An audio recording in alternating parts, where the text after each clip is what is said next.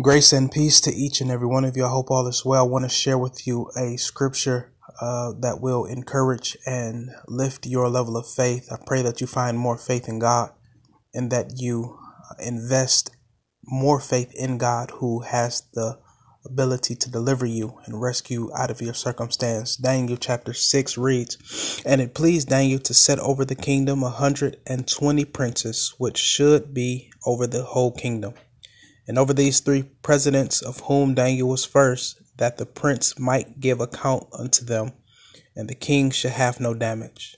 Then this Daniel was preferred above the president and princes because an excellent spirit was in him, and the king thought to set him over the whole realm.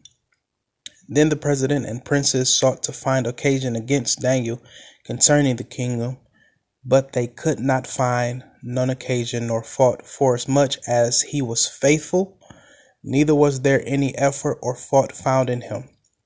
Then said these men, We shall not find any occasion against this Daniel, except we find it against him concerning the law of his God. Then this president and prince assembled together to the king, and said thus unto him, King Darius, live forever.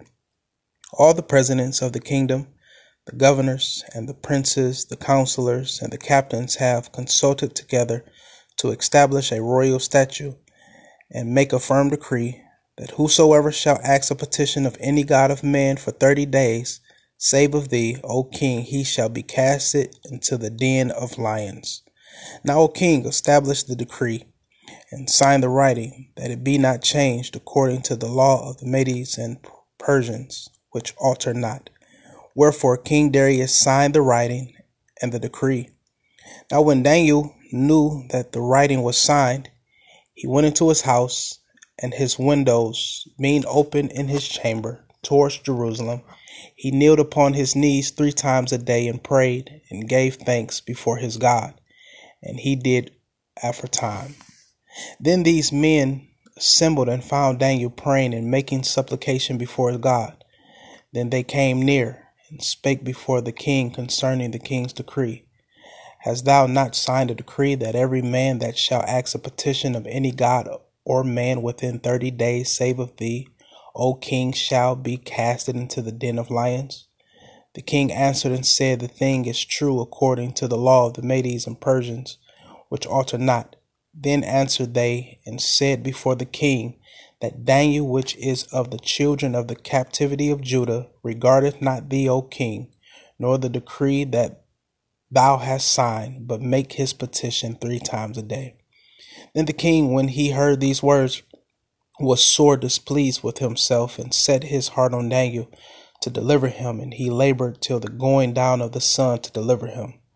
Then these men assembled unto the king, said unto the king, Now, O king, that the law of Medes and Persian is that no decree nor statute which the king established may be changed.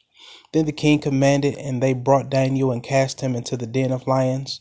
Now the king spake and said unto Daniel, By God whom thou servest continually, he will deliver thee. And the stone was and the stone was brought and laid upon the mouth of the den.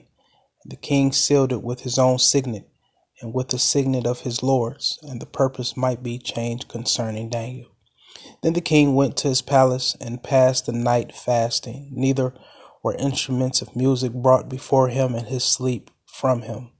Then the king arose very early in the morning and went haste unto the den of lions. And when he came to the den, he cried with a lamentable voice unto Daniel. And the king spake and said to Daniel, O Daniel, servant of the living God, is thy God whom thou servest continually able to deliver thee from the lions? Then said Daniel unto the king, O king, live ever.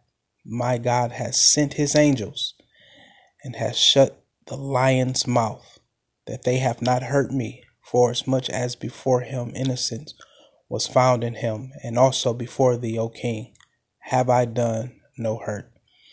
Then was the king exceedingly glad for him and commanded that they should take Daniel up out of the den. So Daniel was taken up out of the den, and no manner of hurt was found upon him, because he believed in his God.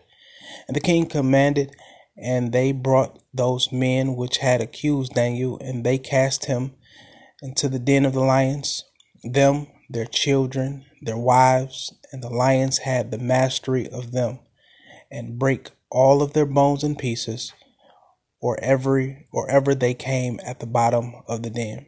Then King Darius wrote unto all the people, nations, and languages that dwell in all the earth, Peace be multiplied to you.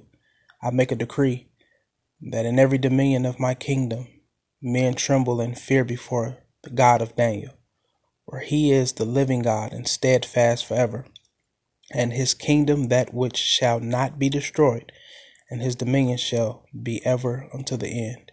He delivered and rescued, and he worked signs and wonders in heaven and in earth, who had delivered Daniel from the power of the lions. So this Daniel prospered in the reign of Darius and in the reign of Cyrus of Persia. I pray that someone would have the boldness to believe in God like Daniel did.